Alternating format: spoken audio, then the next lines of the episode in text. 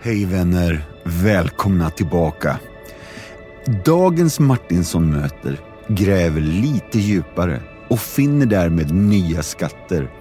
Derek Morphew är mångårig författare, surfare, rugbyspelare, pastor, församlingsplanterare, teolog från Sydafrika.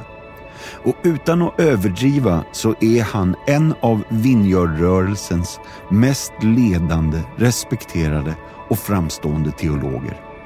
Han är också pastor för Vineyard Christian Fellowship i Kenilworth, Kapstaden, Sydafrika och han har jobbat i det nationella ledarteamet för Association of Vineyard Churches i Sydafrika och han är författare till över 16 böcker. Hans huvudtema är alltid Jesus och Guds rike. Och därför är det extra intressant att han lägger så stor vikt vid utrotningen av fattigdom och nödvändigheten av rättvisa i all sin undervisning. Det här blir spännande, lite djuplodande och häng med i svängarna för nu ska ni få träffa Derek Morphew.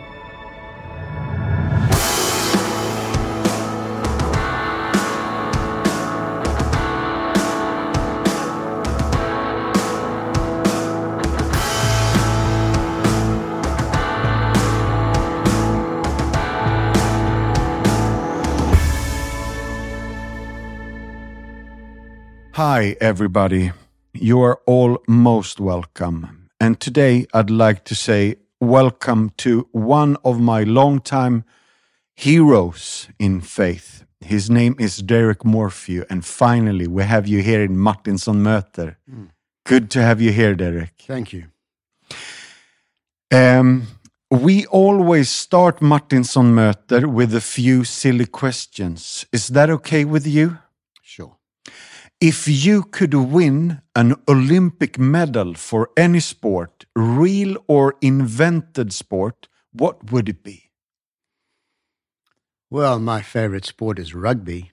Rugby. I don't think they play in the Olympics, but uh, I think soccer is in the Olympics. So, yeah, yeah, yeah. Uh, yeah, and and tennis, I think, is very high up there for me. Yeah. And I, I know that you have done uh, a lot of water sports. Yeah, I grew up surfing Yeah. and water skiing. Particularly, those were the sports that I spent a lot of time doing as a youngster. But at school, I loved rugby. Yeah. Yeah. So that's your choice. That's a, the second question is if you could spend a day in someone else's shoes, whose shoes would you prefer? Oh, no, that is a difficult question because I think of so many possibilities. Mm. Um, no, I, nothing comes to mind really quickly. Totally fine. We yeah. take uh, question number three. If you were in a rock band or a pop group, Mm. which band would you like? Ah, you know, I'm going to say something because they're going to do a, a, a reconstituted tour, the Beach Boys. They are old guys and they're going to do a tour somewhere and they're getting together. Um, and I think one of them doesn't live anymore. No. But anyway, when I, in the 60s, they were, you know, very popular. And of course, I was a Beach Boy. Yeah. Yeah. Oh, that, that's a lovely band to join. Oh. Question number four. How would you feel about putting pineapple and garlic sauce on a pizza? No, quite good. Hmm? Um, we have lots of pineapple on our pizzas, and I love garlic. Yeah. I have to be careful because I mustn't breathe on my wife after I've had a lot of garlic. She doesn't like it so much anymore. That is a But, good help uh, for all of us. Yeah, no, that would be good. Mm. The last of these first five.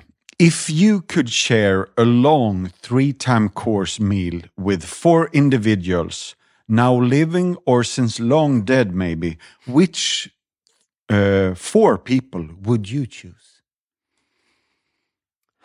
Well, you know, I spend a lot of time having what we call braais or barbecues with my family, obviously Yeah. my daughter and son-in-law and so on. So, but I suppose you're thinking about famous people I've known.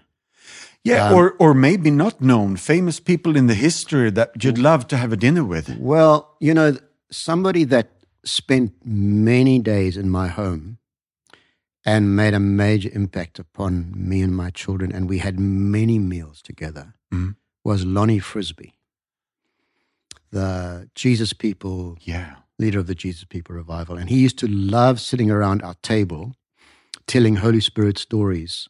He always come with a team. And um, yeah.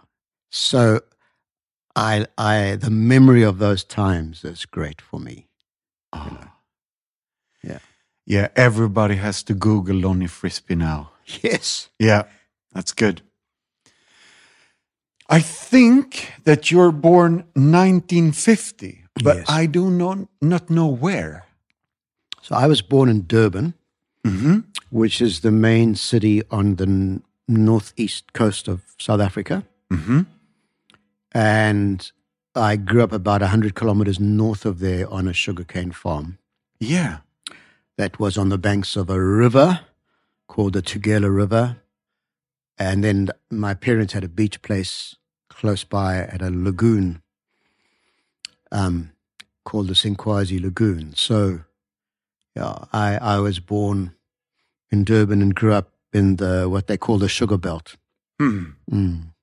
So sugarcane farm. This this sounds nice. Well, you have to have a subtropical climate. Yeah. So it was hot in summer, Yeah. but the winters are very mild. And most of the time, you just watch it grow. You, you've got to plant it. And a big thing for us was irrigation. We lived on the r- river and we installed a whole irrigation system. So, and then, you know, you harvest the sugar and it gets taken to a sugar mill and crushed and made into sugar. Mm. Um, I used to eat a lot of lot of sugarcane as a kid. I know exactly how to eat a stick of sugarcane. Yeah. Yeah. I heard as a child you spoke Zulu. Yeah, so you know the language other than English of the whole population there was Zulu because it was actually called Zululand or today KwaZulu, Mhm. the land of the Zulus. So uh, everybody around us was Zulus, and then there was a big population of Indians. So my first ever play friend was Balakrishna Naidu. But I also used to disappear into the bush as a youngster, and it was full of black mambas and things. So my father had a teenager Zulu who he employed to be my minder Yeah. so that I wouldn't get killed or whatever. And uh, it's remarkable nowadays, you think about it. We would li- literally disappear into the bush most of the day Yeah. and sort of arrive back in the afternoon. And my parents had no idea No. what I'd been doing. This sounds like uh, a movie to me. Uh, like uh, what's what's it called? My Africa or something. Out of, yeah, Africa. Yeah. And crocodiles in the river. Yep. This is uh, another place. I think um, something happened when you were 17. Yeah. Yeah. Can you tell us a little bit about it?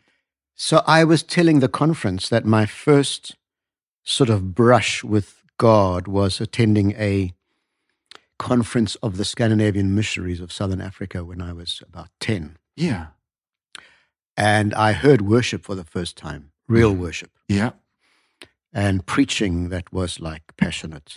And Is that Michael Cassidy? no, No? no, that preacher actually was, uh, his name was Johansson. Okay. And I was 10 then, and I knew something was there. But then I, I, so I didn't get converted then.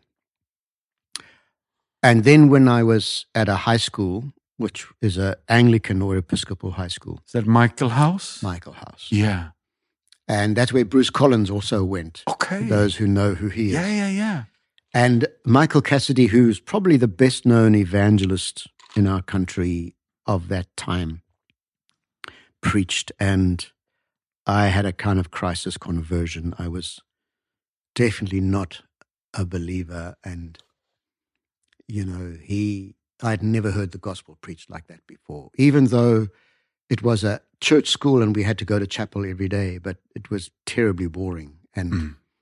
irrelevant. And suddenly I was being challenged by the Lordship of Christ and made a commitment to to Christ. And yeah, the change in my life was so radical that my father wanted me to be taken to see a psychiatrist. Yeah. They thought I had lost it. Oh my goodness. But I started witnessing to my parents, and it wasn't long afterwards that my father also committed his life to Christ. But they were shocked. Yeah. At the change. Because of the transformation? Yes. Yeah. My whole agenda, my goals in life.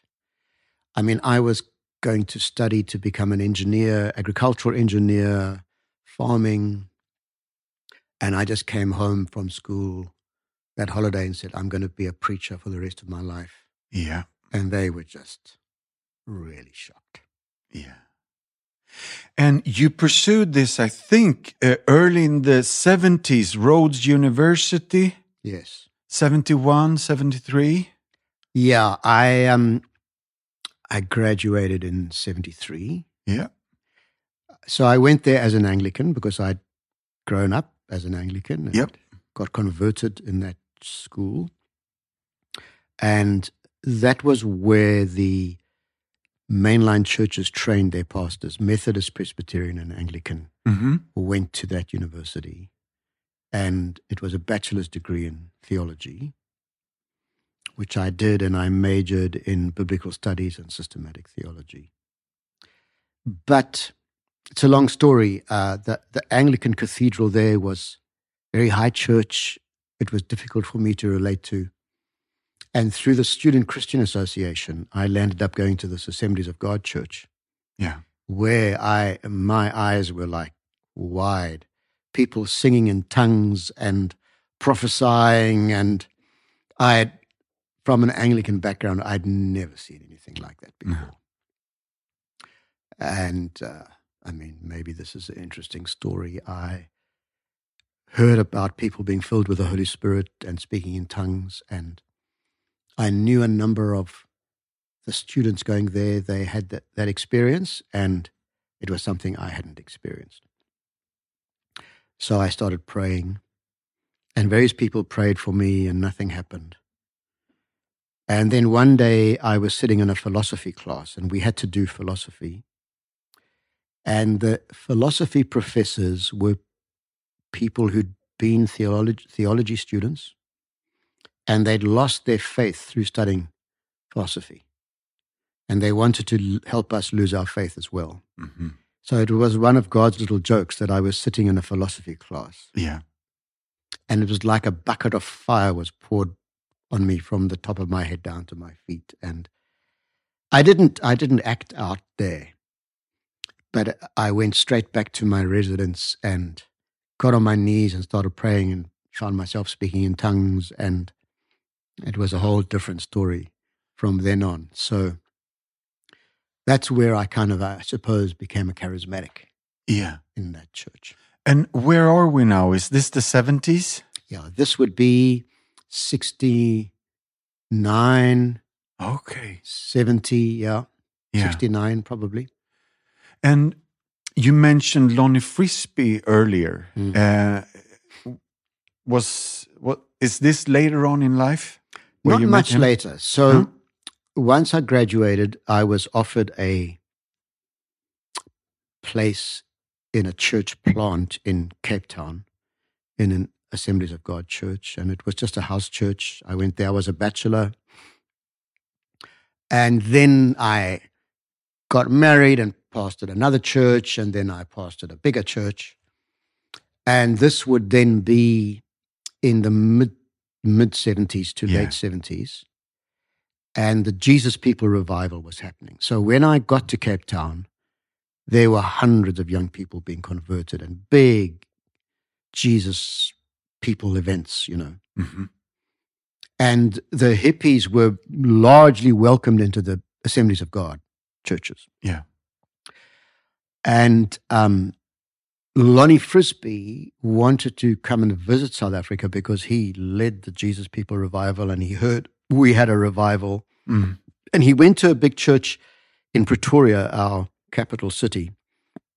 And it so happened that my sister in law went to that church Yeah. and he wanted to have somebody host him in Cape Town. So via that connection, they asked, would I, would I have him?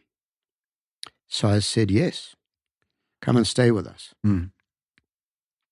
And so from then on, he would come and stay only really in our home in Cape Town. Every time he visited, he'd come every two years, uh, roughly, and he'd bring a team with him. Yeah. So my children grew up with Lonnie Frisbee Yeah. in the home. And um, yeah, I mean, that first time I invited him to speak at our church, and he preached a brief sermon, and then he said, I want to ask all the children 12 years old and younger to come and stand in the middle of the room. hmm And he prayed, Come, Holy Spirit. And I mean, eventually they were carrying the children into the cars. They were out under the power of God. They were bouncing up and down. They were prophesying. They were weeping. And I mean, we'd never seen anything like that before. No. And I know two guys who became pastors who were teenagers in that meeting. And they were like marked for the rest of their lives. Yeah. So that was my introduction to Lonnie Frisbee. Oh, this is precious memories. Um, by this time, were you planting a church? No, I, I, my first place I went to was a church plant. Yep. and I sort of developed it until my successor, I think, they built the building and it sort of became established. This was my third church, and it was probably it already had a building, probably was like two hundred people, something like that. Yeah, because I've I've read on the internet. I think your career is like in in three stages. Uh, First, a pastor and a church planter. Second, pastor mentor to pastors, and third, focusing on theological training and education. And here we have the Vineyard Association of Churches, both in South Africa and around the world. Yeah. Because uh, when did you start writing? I wrote my first book during the apartheid regime. Okay. and that would have been in the 70s. Yeah. And what happened is we had some terrible incidents in South Africa. One was where the police shot a whole lot of young people, Yeah. young black people who were protesting. And the atmosphere in the country was volatile. Hmm. And people were confused. And the government was brainwashing the people with the ideology. Yeah. But I'd come from a very liberal education at my high school, a university, and I guess I knew a little bit more. And so I preached a series of sermons on the ideolo- ideologies behind the conflict in our country. And I went and got into a state library where you couldn't get in, where all the banned books were. Hmm. And I studied like Amnesty International annual reports, whole lot of literature. Anyway, I preached a series on the fascist roots of apartheid Yeah. and the roots of fascism in a particular kind of German philosophy that goes back to a sort of spiritism, Mm. a sort of demonic base. And then I went into Marxism and actually the similarities between Marxism and fascism. Yeah. And then the difference between those two and, let's say, a biblical view Hmm. of life. And this series of sermons became a, a publication. So it's available on Kindle. It's called South Africa, The Powers Behind. Yeah. Yeah. And um, the president of the country who led us out of apartheid, apparently he read the book. And um, I hope that it helped him. Yeah. Um, and in fact, my friend Costa Mitchell just officiated at his funeral and led him to a fresh commitment to Jesus just recently. Yeah. Um, but I was visited by the security p- police, and you know, uh, I had people leaving my church. Mm. I had other people who repented of having been part of that ideology, and Yeah. one one man, it, it was almost like an exorcism that he went through Oh my goodness. um, because they made blood covenants to fight for Die Volk and their fatherland, and uh, just like Yeah. Nazi, Nazi Germany. Yeah. Yeah. Mm. Oh, and and in these days when when we have a war in Ukraine, uh, this this comes closer. It does. Yeah. And we again have ideologies. Yeah. You have a man who mixes his ambitions with a holy Russia, Yeah. with the Orthodox Church, and he's he is partly the servant of God. Mm. You know, Yeah. uh, Mm. like the Third Reich. You know, Yeah. so yeah, and I mean maybe just to say. When the change came in South Africa, we had a thing called the Truth and Reconciliation Commission. Yeah. Chaired by, amongst others, Desmond Tutu, Mm. Bishop Tutu, where the leaders and also to people went to sort of confess their complicity. And it was supposed to be, well, it was a kind of catharsis for the country. Yeah. And so I was then in the leadership of the Evangelical Alliance of South Africa, which is the covering body, ecumenical covering body for all Mm. the evangelical and Pentecostal churches. And with a with the guy who now leads that, called Moss Ntlha, and I, we went and confessed the fact that the evangelical churches had been duped by the system Mm. and had become effectively a part of the apartheid system, and what what in what ways we were blind Mm. and blinded. Mm. So, yeah. And what I said there is on record in that publication. Yeah. Yeah. Yeah. So I suppose that's, you know, the whole social justice Mhm. line goes back far with me. Yeah. Mm. And this is only your first book, and uh, I don't know how many, but I think it's even more than twenty-four books. No, I don't think so. I think it's probably about 16 or something like that now. Okay. There are a, num- a lot of manuscripts I wrote for educational Yeah. purposes that weren't published. Yeah. So then it would be roughly that in total. But Yeah. Yeah. There's so much that I would want to talk about, but I think you. When did you plant the Vineyard Church? So I started the first vineyard church in Cape Town Yeah. in a 94, I think. Okay. 93, Yeah.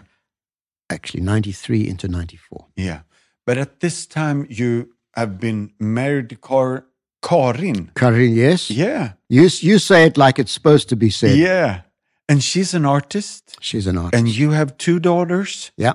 And I think it's Shean and Jean. And Jean. Jean. Jean, J E A N N E, is the French John Yeah. for a woman. Yeah. And because my wife's family is from the French Huguenots, it's a family name. Yeah. Mm. And then there's Connor and Owen. Yes, you've got it, my grandsons. Ah, that's good. And they all live in Cape Town now. Yes, near, Yeah. nearby. Yeah. And just give us a little background because for me, as I have read a, few of your books, Mm. since I read the first one, I it gave me a backbone, an outline for the kingdom of God. Mm. And since we're a podcast gearing towards um, the lost, the least, and the lonely, and we we try to uh, light the kindle in the church on uh, taking care of the poor as central to the gospel, and that's where you've been at the whole time.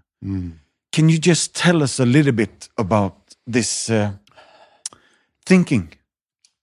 Well, you know, we have poverty in our country that's real poverty. I mean, European people talk about poverty. They don't really see poverty. In Africa, you have real poverty.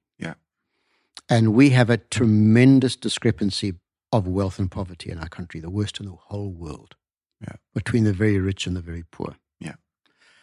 And so any evangelical church in South Africa, just about all of them have some ministry to the poor. And the church I led, we, for instance, built a preschool care facility next to a township where most of the parents were out working and it was dangerous for the children. And um, that's an example of the kind of thing. Yeah. Um, and, um, but I wouldn't say that I'm particularly, uh, you know, very credible in ministry to the poor because my focus has mostly been pastoring churches and planting them. But we've always, I think, been clear that the gospel of the kingdom involves social justice Yeah.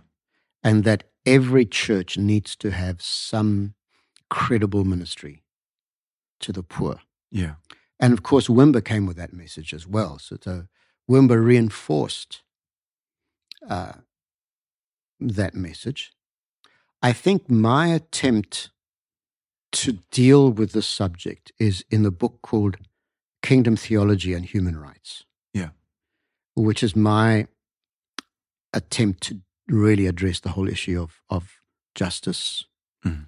and that Christians are called to the poor and the vulnerable and that it's part of the gospel. Yeah. Um, so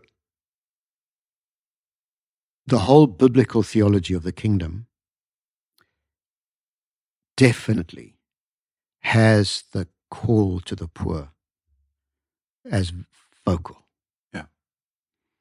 And, uh, you know, that text when John the Baptist said to Jesus, Are you the one to come? Mm. And his reply goes in, an, in a building climax. Go and tell John the Baptist that the blind see, the deaf hear, the lame walk, the dead are raised. You know, it's getting higher and higher. Yeah. But what's the climax? And the good news is preached to the poor.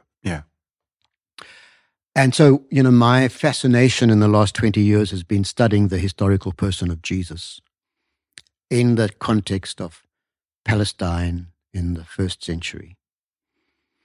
And the more you go into the background, you, the more you realize that the Roman occupation had forced peasant farmers to pay such taxes that they were being ground into the dust. And Jesus' parables were all taken from agricultural farming. You know, he was a Galilean amongst mm-hmm. those people. And of course, he miraculously fed the poor, but he was amongst the poor. Yeah. And he accepted those that the religious system didn't accept. So his ministry was definitely to the poor and the powerless. Mm. And his famous um, sermon in the, in the synagogue, where he went and quoted Isaiah, Yeah. The Spirit of the Lord is upon me. Uh, that text in Isaiah, in its original context, is actually far more materialistic. It's to do with coming back from exile and having their fort, their uh, their fortunes reversed, Mm. having been um, refugees coming back to their country and being restored and back to their farms and their vineyards, and it's all a, a, a context of, of restoration. And in it is the year of Jubilee at the end of that passage in Isaiah. Yeah. Uh, the acceptable day of the Lord is a quotation of, of the Jubilee year, where the fortunes of the people are supposed to be reversed and land is given back and slaves are free and debts are forgiven. Mhm. And so there's a whole lot of theology nowadays about the Jubilee principle that really the announcement of Jesus of the kingdom of God is announcing an extended year of Jubilee where all these things are, that are unjust are, are reversed. Yeah. And so, although Jesus did liberate also people from a lot, from demons and sin and even death, hmm. essential in that package is to liberate people from poverty. Yeah. And that the justice of the kingdom overturns the poverty. So, the Beatitudes, you know, blessed are you poor, Yeah. woe to you who are rich, Yeah. is not just a spiritual talk. Yeah. Because that, that was that was what I was going to say now. Because Okay. Uh, my history and my background is that I have used uh, or I have been preached at with this text, and they have been merely just spiritual. That I'm spiritually poor and I need to get saved. Yeah. But uh, you're making it much bigger and much more, what do you say, uh, holistic. Yeah. Mm. That is very much my uh, the drum I'm beating at the moment Yeah. is what is the gospel? What is the full gospel? Mm. Not a uh, reduced gospel that takes a slice and makes it the whole gospel. Mm. So that's very important that we we have a a fully biblical, Jesus based Mm. gospel.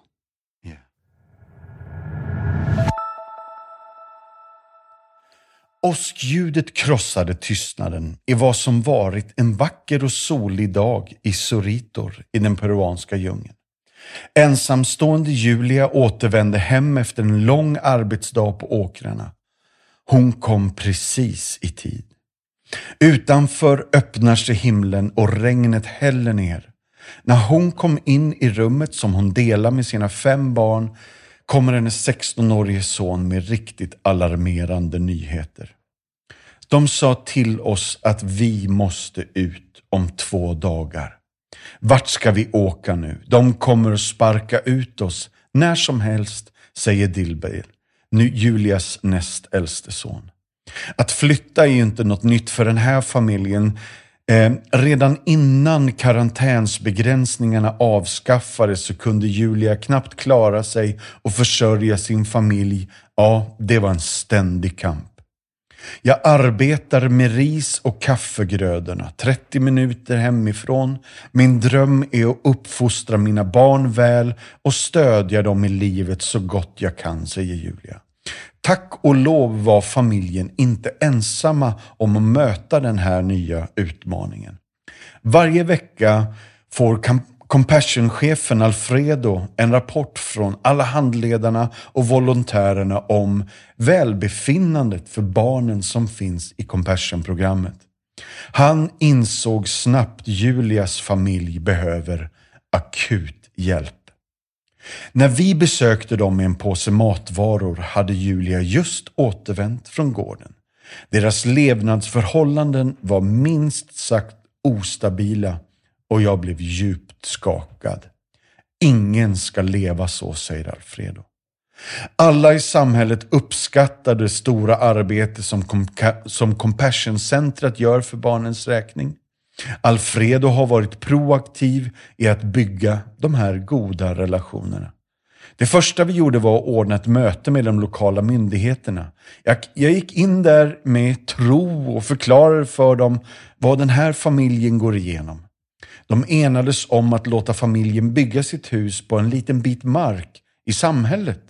Alfredo gick långt utöver vad Julias familj hade vågat förvänta sig. Vi lyckades också få till de juridiska papperna så att de var klara och så att de, familjen inte kommer få några problem i framtiden om det blir en förändring i administrationen av stan. Ler Alfredo. Precis som solsken efter en regnig dag kändes det som om stormen hade gått och en ny dag hade börjat för familjen. Compassion-centret och kyrkans frivilliga samlades inte bara för att köpa material till det nya huset utan också för att hjälpa till med arbetet. Huset byggdes med vassrör, plywood, koagulerad plåt för taken och familjen kunde inte hålla tårarna tillbaka. Det var tacksamhet. Deras dagar med att flytta, hyra små rum är nu borta för alltid. Jag vet inte riktigt hur man säger tack. Jag tackar Gud för att jag hittade alla dessa bra människorna som kom in i mitt liv. De delar alltid med sig av vad de har. De håller lite koll på oss, de tar med sig mat till oss och nu har vi ett nytt hus, säger Julia med tårar i ögonen. Vi behöver inte oroa oss för att vara hemlösa längre. Gud välsignar oss genom centrat och compassion. De hjälper oss för mycket. Jag är väldigt tacksam, säger Dilber. Att ha vårt eget hus är såklart annorlunda och underbart. De får oss att känna oss säkra och skyddade. Här är vi glada. Ni vet när jag avslutar min berättelse vad jag kommer att fråga. I alla fall ni som har lyssnat på podden förut. Det är en ganska enkel och en lite retorisk fråga. Vill du bli fadder till en kille som Dilber? Och vill du hjälpa en mamma som Julia i Compassions arbete? Behovet av nya faddrar är jättestort. På grund av corona och läget i världen så tar vi hand om extra barn, alltså fler utöver det vi har lovat, därför att vi finner det nödvändigt. Och för 310 kronor i månaden så kan du understödja ett fadderbarn holistiskt. Och det innebär, vi jobbar på fyra sätt. Ekonomisk hjälp, mat, kläder, skolavgift, fysisk hjälp, vaccinationer, hälsokontroller, sport och fritidsaktiviteter. Social hjälp. Vi vill fylla våra centran med kärlek, omsorg och uppmuntran. Och det sista då, andlig hjälp. Vi sticker inte under stolen med att vi gör det vi gör i Jesu namn. Så därför har vi åldersanpassad söndagsskola, vi sjunger, har andakter och läser Bibeln för barnen. Gå gärna in på vår hemsida www.compassion.se Signa upp dig, bli fadder direkt. Ett barn behöver din hjälp och din insats idag. Och då kanske du tänker, ja, men jag har ju redan ett fadderbarn och då brukar jag säga, ta gärna ett till. Uh, if you would take a few minutes and just help us um, to put meat on and build upon the, this phrase, the now and the not yet mm. theology. Mm. I know you have more uh, eloquent theological words for it, but uh, I'm a simple man. And can you just help me to build on this a little bit? Mm. So, uh, during the time of Jesus, the most popular book, let's say the, the one that sold the most, although you didn't sell books in those days, was the book of Daniel. Yeah. And in Daniel's visions, you have this idea of two ages. This age we live in now is dominated by evil empires and kingdoms, oppression, injustice, sickness, and sin. And one day God will come and he will decisively enter history and terminate it as we know it. It will be the day of judgment. It will be a phrase from the Old Testament, the day of Yahweh. Mm. And then he will renew all things. And there will be a new world or the age to come. Mm. And this really is very much what Daniel was talking about. So when Jesus came, he came into a world that had this expectation of these two ages. And they all believed that the sign that the new age was beginning would be the return of the spirit of prophecy, the anointing of the spirit on the Messiah, and the Messiah reestablishing, if you like, the, the rule of God. Mhm. But they never thought that it could be something that happens in a preliminary kind of way. And the mysterious thing that happened in Jesus is he came announcing that the coming age had arrived, and he demonstrated it, that it had arrived by healing the sick and feeding the poor and delivering people from demons. Mhm. And yet, the final intervention of God, like described in the book of Revelations, where there's a new heaven and a new earth, did not take place. And so, the only way to understand it is that somehow the powers of that future age arrived into the present in an unexpected way. Mhm.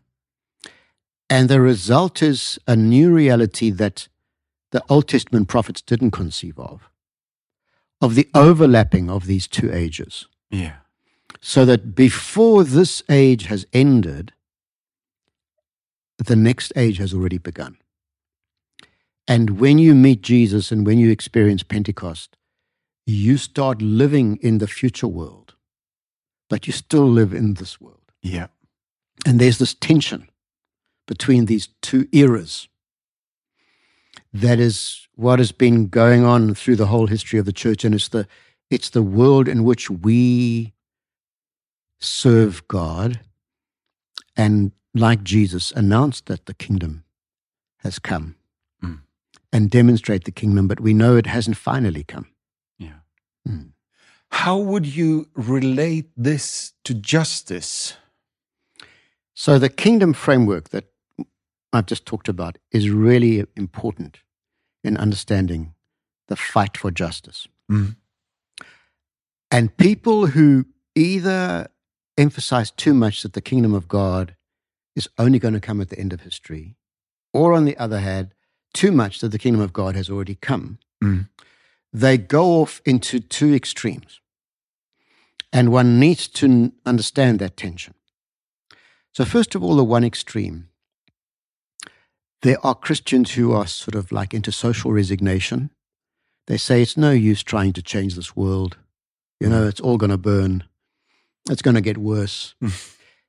Just get people converted and keep them saved until the end of the world and till God comes one day.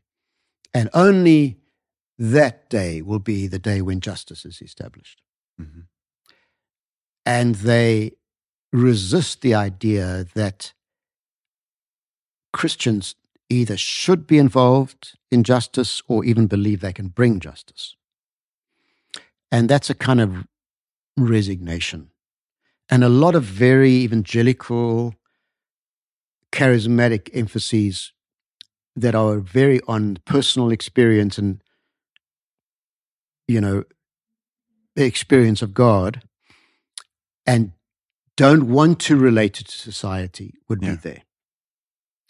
Then you have the other extreme. I mean, the most extreme are sort of millennial dreamers who believe that their time will be the millennium and they will establish the kingdom of God on earth Mm. and they will make this just society. And there were people during the Reformation that were like, like that. And even Jonathan Edwards, who led the revival in the United States, thought that the United States would become the millennial kingdom of God. Is that so? And um, so they would be more utopians, believing that the gospel and the church can so change a given country or place that the kingdom of God will come on earth. And so there's a whole history of, of Christian political parties and Christian activists who believe they can really bring justice. Mhm. And they don't have a, a realism in their view because we have to tell them no. In the end, it's only, let's say, what we call the return of Christ, where justice will finally come. Yeah. But in between those is the reality that in the history of revivals and the impact of the church, vast times of social justice have taken place. Yeah. So, whether it's the Reformation in Switzerland, for instance, and the whole Swiss society, or Wesley in England, and the transformation of that alcoholic society in the Yeah. days of Wesley, and or William Booth and and all of that, and the Salvation Army, and one could go on and on, Yeah. showing that yes, we never make this world into utopia, but w- but we can have a massive impact Yep. on this world for justice. As long as we're not utopian dreamers, Yeah. we can. I almost think of you know Obama's famous address where his thing was, "Yes, we can. Yes, Yeah. you can." Mm. Or yes, we can. And we need to say that. we yes, we can. The Mm. Christian church and the witness of the gospel can make a huge impact as long as we realize also we are up against the powers of darkness. Yeah. And back to that ideologies thing, there are alternative powers fighting for the heart of humanity. That have no such agenda. Yep.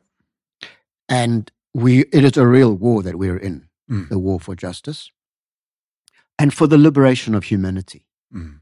So I think it's only a proper understanding of the kingdom of God that creates a framework for us to understand how we should engage in issues of justice Mm.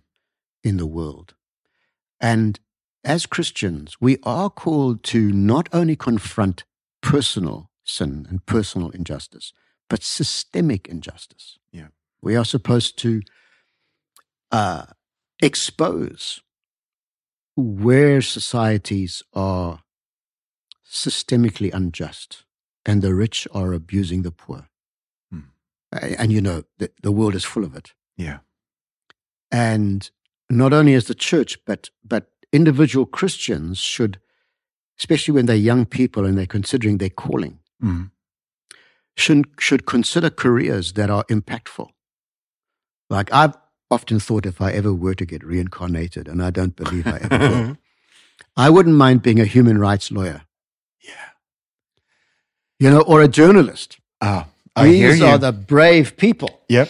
Or, you know, the vehicles that God uses are, are NGOs, Christian NGOs, Amnesty International, it goes, the, the whole lot of them, Yeah.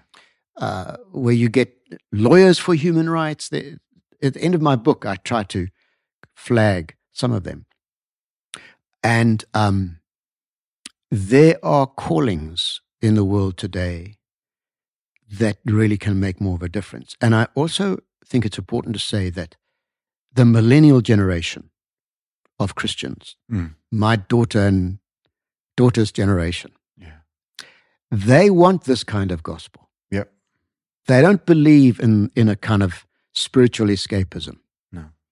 They want a gospel where the church is socially relevant and addressing these things. Mm. And it, it's out there in the fight, not hiding away in a spiritual ghetto. Yeah. Um, and, you know, one of the things that's been so damaging in the history of the Western church is the influence of Platonic philosophy and the split between the body and the spirit, or the Yeah. body and the soul. And, you know, the idea heaven is a place we fly away to after this, not the resurrection of the body, which is the Christian viewpoint. And it allows people to live in that sort of view of Christianity that is an ascetic escape Yeah. from the real world.